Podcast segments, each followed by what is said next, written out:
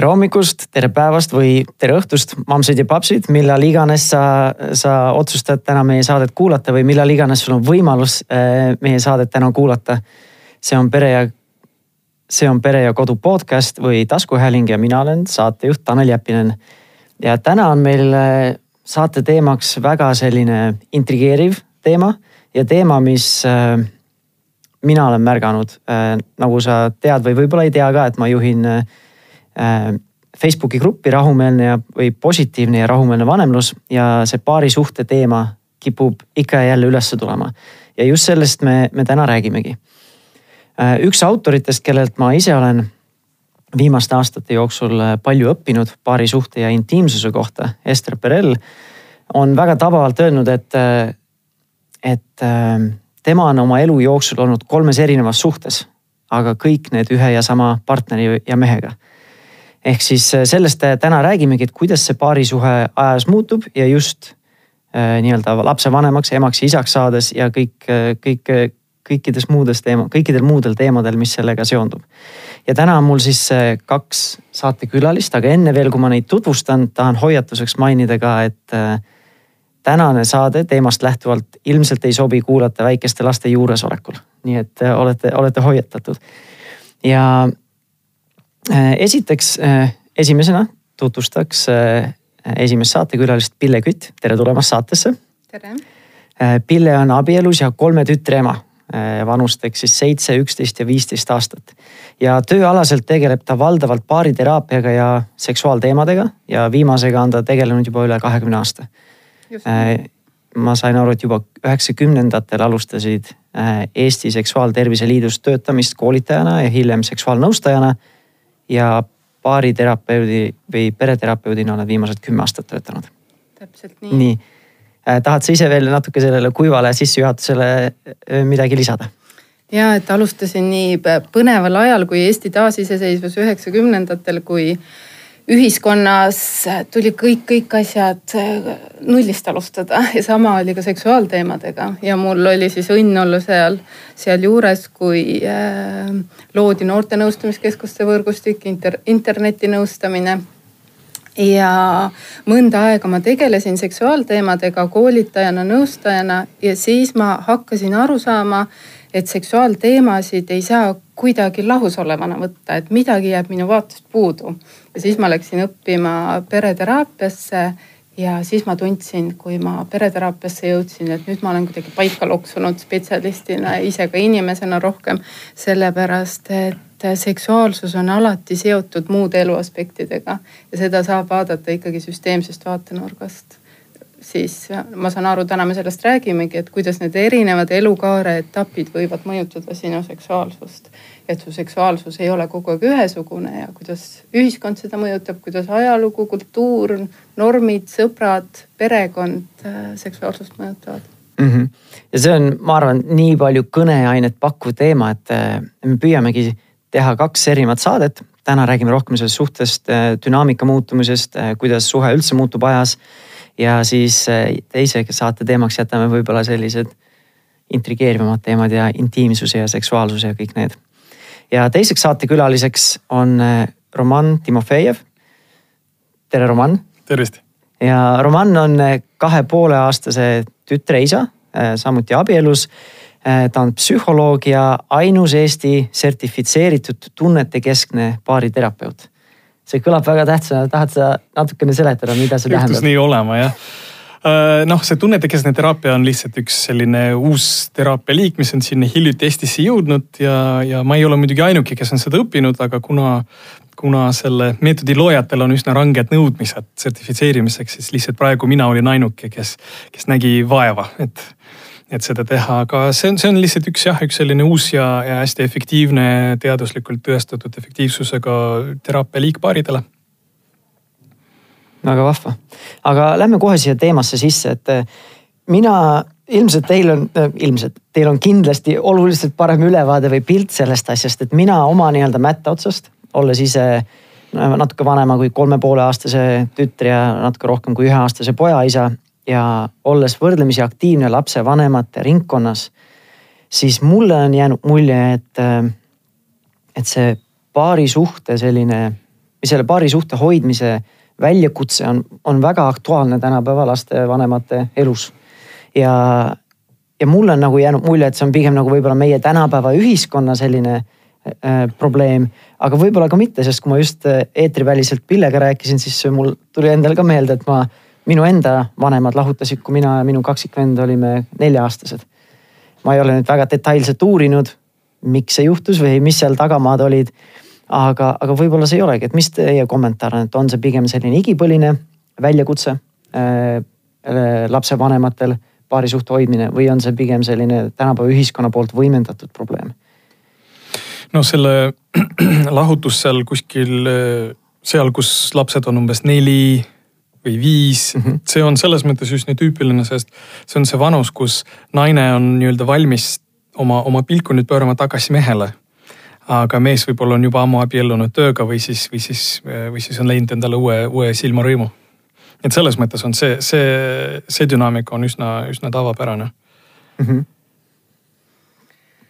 ja ma mõtlen seda ka, et enne eetriväliselt jagasin veel seda lugu, kuidas äh, mu üks kolleeg, äh, kes on ka abielu äh, lahutanud, ta on kuuekümnendates, ma arvan. ja ta jagas äh, seda mõtet, et kui ta nende teadmistega, mis tal on praeguses hetkes, oleks olnud siis, kui tal paari suhtes olid probleemid, ta ei oleks seda abielu lahutanud, vaid ta oleks tööd teinud ja oleks panustanud ja püüdnud koos olla et võib-olla see on nii, et tänapäeval me lihtsalt oleme kuidagi äh,, meil on rohkem kiusatusi, meil on rohkem võimalusi ennast tööalaselt teostada ja ja naistel on enam võimalusi, aga meil on ka rohkem võimalusi paarisuhtesse panustada ja sellega tegeleda, olgu see siis teraapias või, või gruppides või äh, kus iganes. ja no me oleme veel, ma ütleks veel lisaks, et me oleme ka rohkem sulgenud ennast oma kodudesse, korteritesse, et, et see see kogu see koormus, mida, mida varem võib-olla kandis terve küla, sõbrad -hmm. sugulased, kaugemad sugulased, seda nüüd, kogu seda kooremat nüüd, nüüd kannab üks inimene. ja seetõttu nagu ka koormus lähisuhtele on, on, on drastiliselt kasvanud, see on küll uus trend mm. -hmm. ma olen, kuskilt ma hiljuti kuulsin ka seda, et, et kui öeldakse, et laste kasvatamiseks on vaja tervet küla, siis keegi täpsustas, et seda ei ole vaja lastele ja laste kasvatamiseks, vaid seda on vaja lapsevanematele, seda küla. et oleks, leiaks seda seda ruumi või aega või tähelepanu pöörata paari suhtele. ja, ja Roman, ma hiljuti tänase saate ettevalmistuseks äh, kuulasin ühte sinu teist intervjuud ka, kus sa mainisidki, et, et, et kriis sinu jaoks tähendab seda, et, et vanat moodi enam ei saa ja uut moodi veel ei oska mm. -hmm. mis see, mis see nagu tähendab, kui nüüd lapsevanemad, olgu nad siis värsked lapsevanemad, kes siis esimest korda siis märkavadki, et see suhte dünaamika on nii palju muutunud või siis, äh, või siis on nad juba lapsevanemad olnud mitmeid aastaid, aga siis mingi hetk tõstavad pea vee pealt üles ja veest, veest välja ja vaatavad, et, et kes see minu kõrval on või kuidas, kus meie suhe praegu on.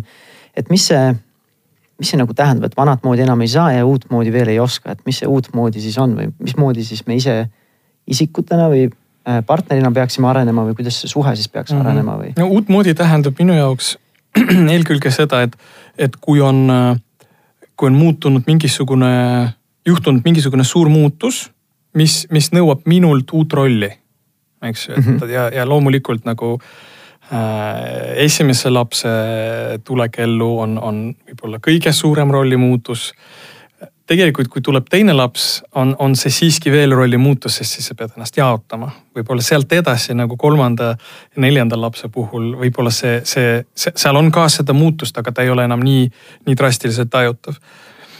Äh, ja üks asi on rollimuutus, teine asi on, on äh, kogemus, et inimesed ju kasvavad ja arenevad ja, ja saavad kogemust juurde.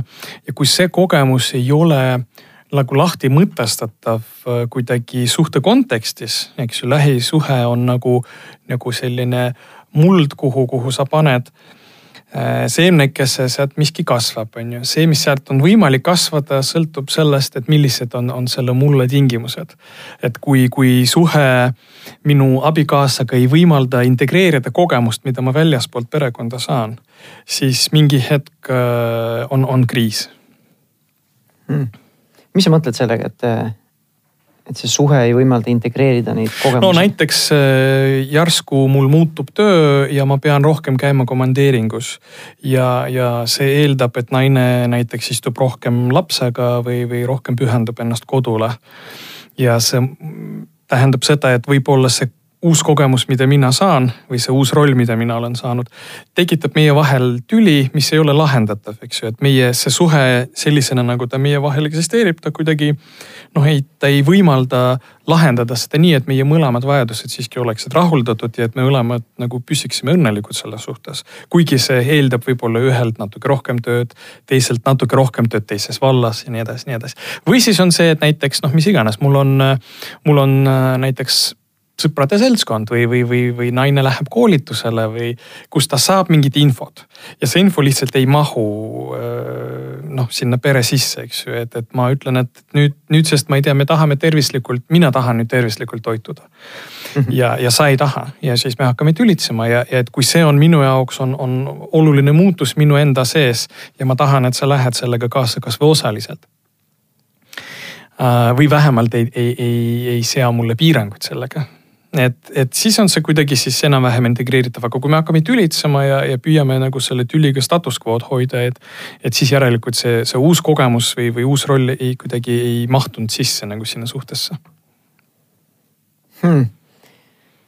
ja no lapsevanemateks saades nii või teisiti need rollid äh, muutuvad päris palju, et reeglina üks lapsevanem, vähemalt Eesti ühiskonnas, kui meil see vanemahüvitissüsteem on võrdlemisi toetav, lapsevanemaid toetav, et üks lapsevanem reeglina jääb koju ähm, teine lapsevanem keskendub enamasti, traditsioonilises peremudelis enamasti on see isa, kes keskendub siis äh, tööasjadele, nagu sa varem mainisid ka, et äh, isa siis äh, abiellub tööga. et nii või teisiti need suhe muutub ajas nii või teisiti, aga mulle tund-, mulle isikliku kogemuse poole suhtes või isiklikust kogemusest tundubki, et see lapsevanemaks saamine on lihtsalt nii järsk muutus, et ajas nii või teisiti muutused toimuvad, aga kui sa ise selle muutusega järjepidevalt kaasas käid, siis on nagu kuidagi loomulik. aga nüüd, kui ma isaks saan, siis kõik need muud asjad, mida ma ei oska teha, ma ei oska veel selle beebi eest hoolitseda ja nüüd. nüüd järsku on see, et ma pean selle suhte eest hoolitsema, teadlikult panustama sinna, et see suhe nii-öelda muutuks. siis see tundub kuidagi selline asi, mis on tahaplaanile jäänud, et ma ei, ma ei tea, kas Eestis on väga levinud äh, baariteraapia vorm, et just nagu ettevalmistus lapsevanemaks saa, saa, saamiseks. Äh, see oleks väga hea, me saame kohe ametliku ettepaneku teha. et see oleks riigi tasandil üks programm, mis valmistaks ette sel-, sel-, noh, et me ju valmistame tegelikult ette inimesi sünnitamisprotsessis, eks ju. perekool on ju väga. täpselt, eks ole, et see sam, täpselt samasugune võiks olla nagu selle vanemluse, vanemluse mõttes sest USA-s ma ei, noh, mina olen USA-s hästi palju aega veetnud oma varasema töö, tööga ja seal ei ole see nagu riiklikul tasemel, aga USA-s on selline. see religioon on väga-väga suur asi inimeste elus, osa, suur osa nende elust ja siis kirikutesse, nendesse kirikukommuunides siis seal on see nagu palju levinum kui Eestis, et. Aga mulle tundub, et ka Eestis kiriku juures on äh, ikkagi see väga levinud, et paarisuhtega tehakse tööd ja mm -hmm. toimuvad erinevad koolitused. et need inimesed, kes kuuluvad mingit moodi koguduse juurde, nad on nagu paremini hoitud kui need, kes ei kuulu või ei käi seal koguduses siis. aga et eestlasi teadupärast ju koguduses käibki väga vähe, kolm protsenti vist või mis need numbrid on öeldud. ole, me olevat vist üks kõige paganlikum mm -hmm. riik Euroopas mitte, et me selle üle uhke peaksime olema. aga, aga räägime siis sellest, ütleme, kui, kui oleks selline programm ja me suudaksime nüüd järgmisse kümnesse või viieteistkümnesse minutisse äh, äh, brainstormime, et mis ja, see sisaldaks. mis seal nagu, mis see sõnum oleks või mis see ongi nagu, mis see eesmärk sellel võiks olla.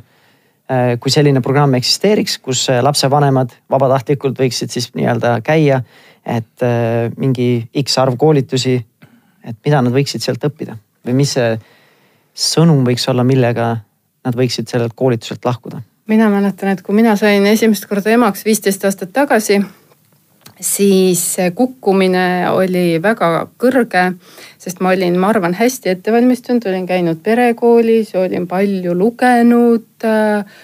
ja mulle tundus, et ma olen päris teadlik ja kui äh, ma sain lapse, siis minu ahastus oli nii suur ja see kõige suurem küsimus oli, miks mitte keegi mulle sellest ei rääkinud, et see elu muutus on nii suur sest ma naiivselt arvasin, et mu elu läheb täpselt samamoodi edasi nagu varem, selle vahega, ma võtan lapse kaenlasse ja lähen igale poole. ma ka muidu käisin ja kõik läheb samamoodi edasi, aga mitte miski ei olnud endine. et ja siis see paarisuhe, see jäi täiesti tähelepanuta, sest ma ise olin nii suures kriisis kuidas ma emana üldse toime tulen ja kuidas ma ennast kuidagi paika loksutan.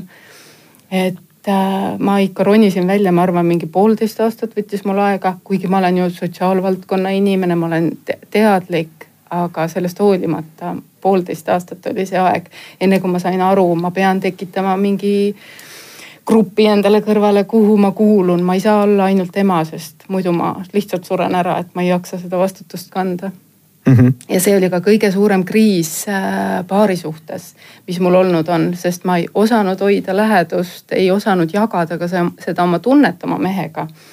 et ma arvan, mind oleks aidanud ka see, kui ma oleks osanud seda sõnadesse panna. aga kui sa oled nagu sügavas augus, ega sa ei oska sõnastada seda, mis sinuga toimub. et hea oleks ikkagi, kui sa kuuleksid teiste inimesi sarnaseid kogemusi ja sarnaseid jagamisi Mm -hmm. ma oleks väga seda vajanud. hiljem ma küll kuulsin, sõbrannad hakkasid jagama, et see esimese lapse sünd, see on nii suur kriis, aga varem see ei jõudnud mulle üldse pärane, pärale või ma ei, kuidagi ei noppinud seda infot välja sealt. ma ise tunnen, et see on selline võib-olla levinud selline, selline vale enesekindlus, et ma ise tundsin täpselt samamoodi, ma arvasin, et ma olen väga hästi ette valmistunud või meie suhe on väga hästi ette valmistunud selleks uueks faasiks, sest me olime võrdlemis, me võtsime ikka päris pikka aega hoogu enne kui lapsevanemateks saime, me olime ennem olnud koos vist kolmteist, peaaegu kolmteist aastat mm -hmm. oma partneriga. ja mulle tundus ka, et me saame vabalt rääkida, me räägime kõikidest teemadest, meil ei ole mingeid tabusid või asju. ja, ja ma ise eeldasin, et see ongi nüüd ainuke asi, mis on vaja, et, et kõik, kõik ülejäänud probleemid lahenevad. ja, ja mul oli täpselt samasugune tunne nagu sul, Pille, et, et ma ei teadnud, ongi, et ma ei teadnud, mida ma ei teada või ma ei tea, mida ma ei tea. ja see ongi see, et korraga tulebki selline rong, rong sõidab otsa, et nüüd, nüüd on nii palju, nii suur elu muutus ja ma ei oskagi nagu hoomata. ja kui sina ütlesid, et sul läks poolteist aastat aega, siis meie vanem laps on kolm aastat, seitse kuud ja me siiamaani nagu õpime selle uue dünaamikaga kohanema. ja kui Roman ennem ütles, et see esimese lapse tulek on võib-olla isegi suurem muutus, siis võib-olla pered ongi erinevad. meie peres on see teise lapse eh, tulek on oluliselt keerulisemaks teinud kogu seda peredünaamikat. et ühe lapsega võib-olla oli, kas oli siis tähelepanu rohkem teineteisele, võib-olla mu naisel on hoopis teistsugune arusaam, see on, kuidas mina seda näi, olen näinud mm. -hmm et meil see teise lapse tulek on päris palju raputanud seda, kogu seda peredünaamikat. ja, ja nüüd me praegu käime äh, oma naisega ka äh, pereteraapias. ja mitte sellepärast, et me oleme nüüd lahkumineku äärel, aga me ise tunnemegi, et meil on vaja meil on vaja uusi lähenemisi või uut moodi, me peame, nagu sina ütlesid ka, et kui me oleme aru saanud, et vana, vanamoodi ei, ei saa ja uutmoodi me ise tunnistame ka, et me lihtsalt ei oska uutmoodi teha seda mm -hmm. asja mm. -hmm. vot äh,, aga, aga mis siis seal selles äh, ettevalmistusprogrammis siis nagu võiks olla, et me oleme leidnud nii-öelda need kitsaskohad või nii-öelda, et mis need väljakutsete võib-olla põhjused võiksid olla võib-olla mitte päris juurpõhjused, aga mingid sellised, mis need välja, kust need väljakutsed tulevad. aga mis selle programmi siis nagu tulem või sõnum võiks olla mm? -hmm. no see, mis mulle esimesena pähe tuleb, on see, et, et ega teatud määral mitte midagi ei valmista meid, ei, ei sünnitusprotsessiks, ei lapse saamiseks, on ju, teatud elukogemust peabki lihtsalt saama, on ju, et see kaart ja territoorium on nii erinevad, eks ju, et kui sa oled seal üks hetk ikka seal kohapeal, et, et oh-oh, et vot see on siis see jah aga see, mis mulle pähe tuleb, on see, et võib-olla mõningad sellised üsna levinud reaktsioonid sellele uuele olukorrale, nii kuidas mehed reageerivad ja kuidas naised reageerivad, et, et seal on üsna levinuid asju. Äh, ja üks asi on see, et um, see, kuidas ma olen sellest lugenud või, või, või kuidas ma olen kuulnud, kuidas see käib ja see, kuidas see reaalsuses on erinev, okei okay? Et see on üks asi. ja hoopis teine asi on see, et kui ma ei suudagi lahti mõtestada, mis toimub, ma üldse nagu noh, ma ei suudagi nagu lahti mõtestada, see, see ei mahu pähe.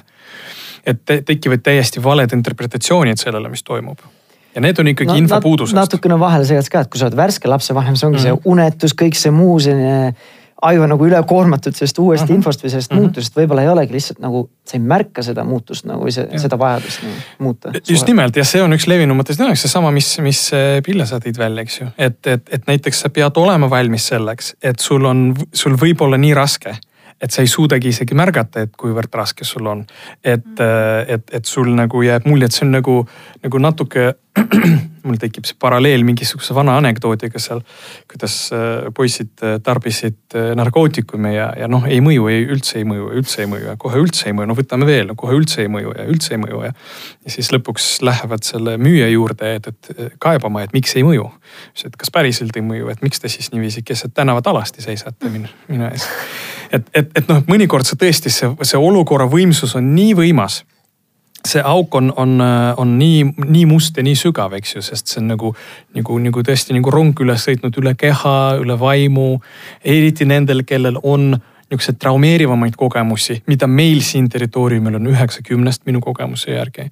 Ähm, et mida rohkem nagu neid lapsepõlvetraumasid, seda raskem on, on vastu võtta see olukord, sest, sest see nagu noh, see nagu viib sind selle keha taluvuse piirideni okei okay?, nii et selles mõttes, et, et selle emaks saamise kogemus väga-väga palju on selline nagu, nagu surma ääre, ääre peal, eks mm. -hmm. nii et, nii et see võib olla nagu trigereeriv traumade suhtes, eks ju, et need on asjad, mida peab teadma, et, et, et kui sa küsid inimese käest, no mida sa siis vajad.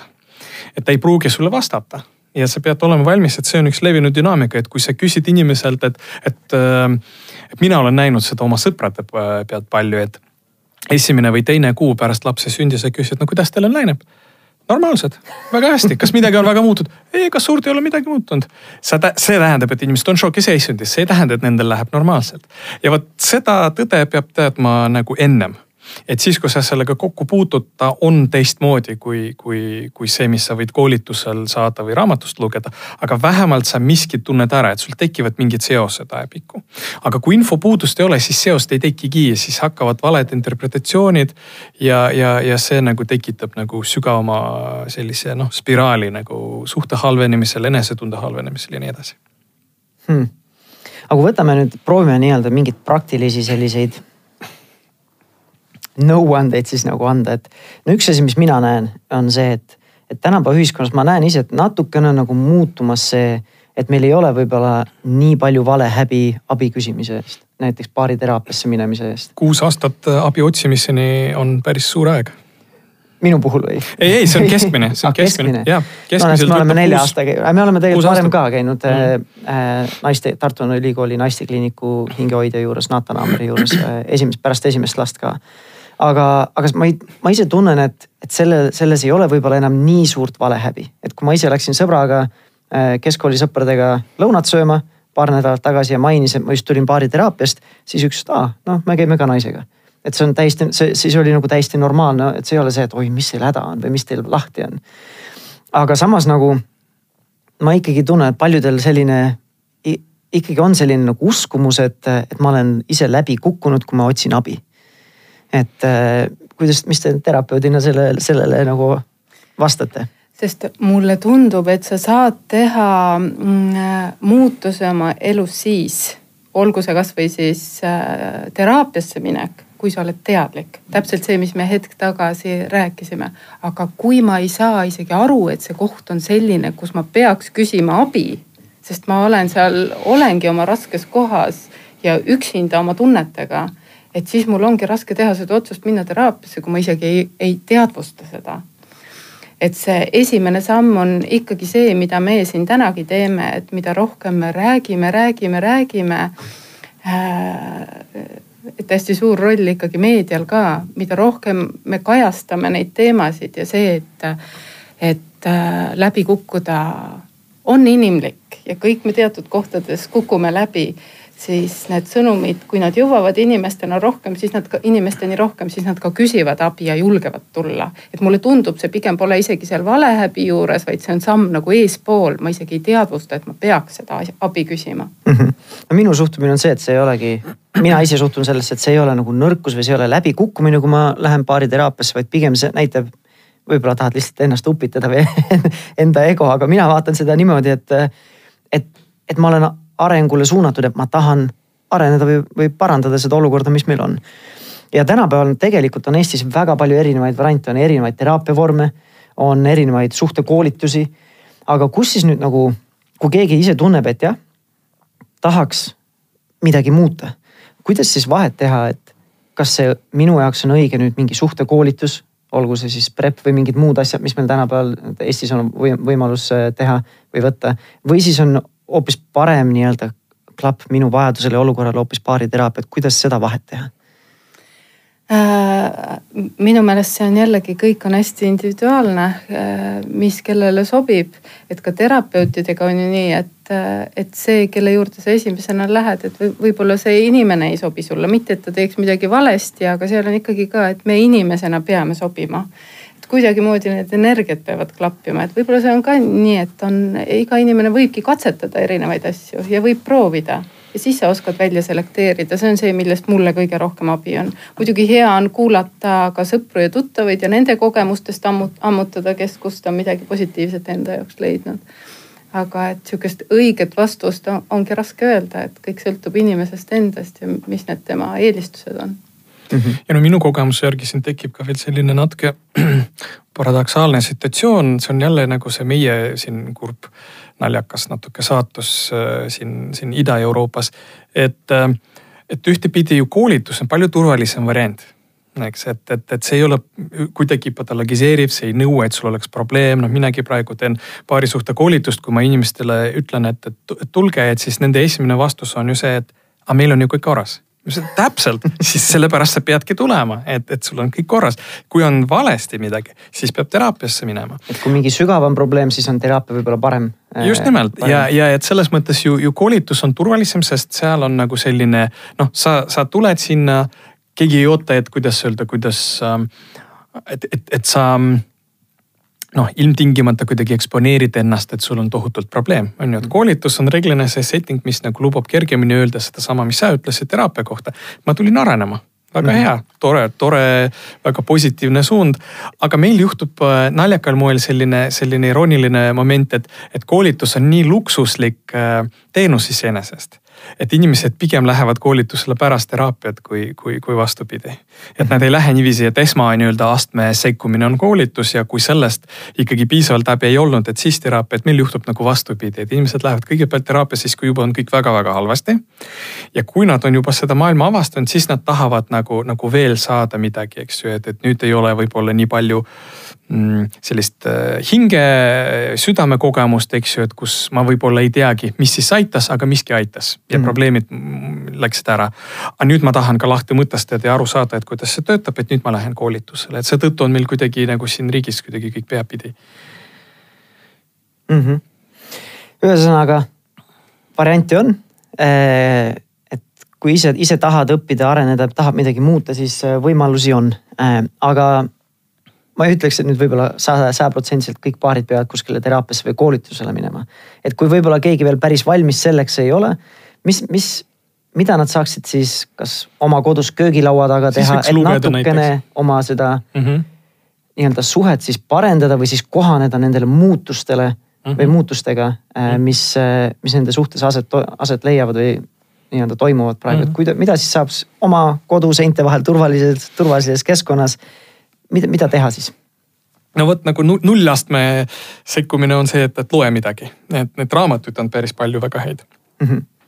Uh, küll eesti keeles uh, seda, seda tunnetekeskset äh, lähenemist, mida mina praktiseerin, veel, veel väga ei ole olemas, aga noh, seesama armastuse tähenduse raamat on päris hea, ta ei ole küll nii praktiline kui üks teine raamat samalt autorilt, aga see on üks hea variant ja, ja neid raamatuid on, on, on küllaltki palju ja, ja et kui inimesed loevad inglise keeles, siis see on lihtsalt tohutu maa, mida, mida, mida katta ja on igasugu selliseid nagu töö, tööraamatuid nagu workbook'e ja mm, -hmm. ja, ja, ja videokursuseid ja webinaare, kust saab nagu turvaliselt ja Youtube'is on tuhat erinevat erinevad videod, äh, mis nagu resoneerivad, annavad sulle nagu, nagu mõtted. John Gottmanil on näiteks ühes raamatus terve, terve küsimustik kirjas, et, et kui sul on vaba hetk äh, oma partneriga istuda, siis vot siin on umbes kakskümmend neli küsimust, mida te võite teineteise käest küsida, mis suurendavad lähedust ja tõepoolest töötab, et ma, ma olen praktiseerinud enda peal, et kui mõnikord on kuidagi väsimusest, ma ei tea, mida minu naiselt küsida, ma tahan lähedust, ma ei tea, mida küsida, mis, oot-oot, mis, mis oli üks nendest küsimustest, siis sa küsid ja siis saad sealt läheb nagu kohe-kohe sügavaks hmm.. mis sa, Pille, selle peale ütled, mida siis äh, saab kodus turvalises keskkonnas teha? Äh, kasvõi ongi teadlikult otsustada, et me nüüd teeme seda või seda, et siis parandada või teha, teha oma suhe siis äh, selle, nende muutuste kindlamaks. ma näen ikkagi äh, seda, et kui minu juurde jõuavad teraapiasse paarid äh, ja ütlevad, et seal on no ükskõik milline seksuaalsusega seonduv probleem, siis äh, hakates sealt kaevama, siis see probleem ei ole mitte seksuaalsusega seonduv, aga see on see kommunikatsiooniga seonduv mm. -hmm. et ma ütleks ikkagi see, et alusta sellest, et sa istud maha oma partneriga ja räägid temaga. räägid ükskõik millest, räägid sellest, mis sa mõtled, mis sa tunned, mis sa kuulsid, mis iganes, et kui on võimalust ja aega ja mõlemad kaks inimest on kohal ja olemas, siis, siis ma julgustaks ikkagi väga olema kontaktis, vaatama üksteisele otsa, võtma käest kinni ja, ja kasvõi teleka ees istuge kõrvuti. sest et see puudutus kaob ära, silma vaatamine kaob ära, jagamine kaob ära ja siis me olemegi oma muredega üksi. et, et rääkimine on see minu soovitus. ja enda kogemusest me saime sama, sama nõu äh, pärast oma esimest last ja siis me tegimegi päris pikka aega oligi nii-öelda nagu harjumuseks või tegimegi nii-öelda nagu perekoosoleku nädalavahetusel, kus saime ilma lapseta kahekesi olla ja rääkida mingitel teemadel no see ei olnud nagu mingi ametlik koosolek, mingi protokolli meil ei olnud ja meil ei olnud ette valmistatud asju. kõlab lõbusalt aga, aga lihtsalt see, et me võtsimegi teadlikult, et see on see aeg, kus me saame kahekesi olla, rääkida meie asjadest. Äh, vahepeal oli küll raske Äh, leida kas siis energiat või, või mis iganes, äh, et rääkida nendest sügavamatel teemadel, mõnikord rääkisidki hästi nendest oma igapäevastest to do listidest. aga, aga ma arvan, et see oli kind-, abiks oli see kindlasti. ja, ja vahepeal on see ära unustanud, aga ununenud.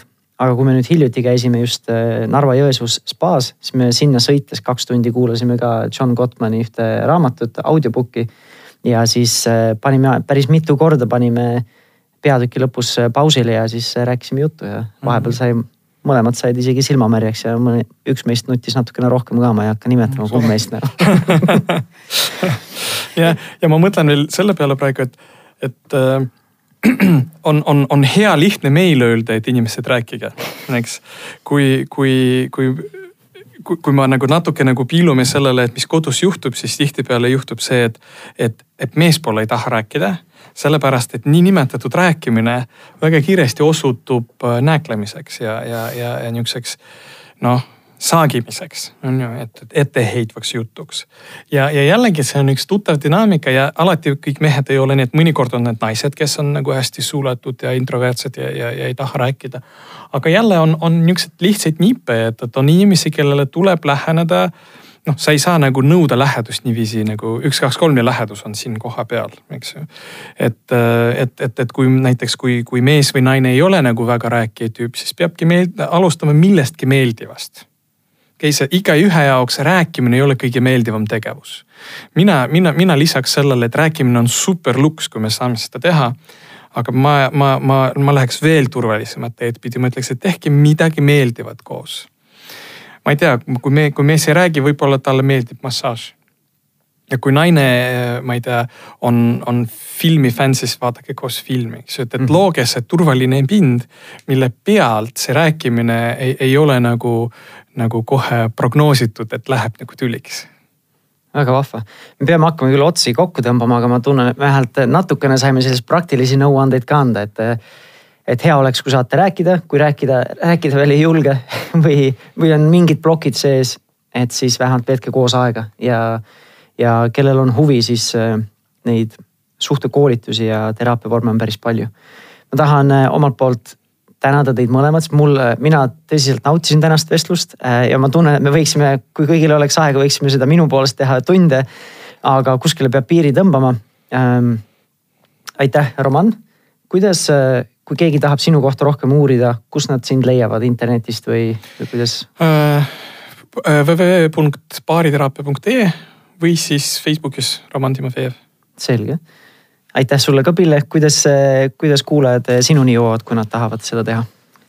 pereterapeutide lehelt pereterapeutid.ee või siis vaiter.ee. selge, suurepärane, veel kord suur aitäh teile mõlemale ja, ja kuulajale ka, et kui see tänane vestluse teema või vestlusteema kõnetas sind Äh, siis nagu ma varem olen ka öelnud, see podcast on väga ühesuunaline äh, vestlusvorm või suhtlemisvorm. Aga kui sa tahad kahepoolsesse arutellu või suhtlusse astuda minu või siis teiste sarnaste väärtustega ja sarnaselt meelestatud lapsevanematega, siis äh, kutsun sind liituma oma Facebooki grupiga, mille nimeks on positiivne ja rahumeelne vanemlus. vot, suur aitäh kuulamast ja, ja järgmise korrani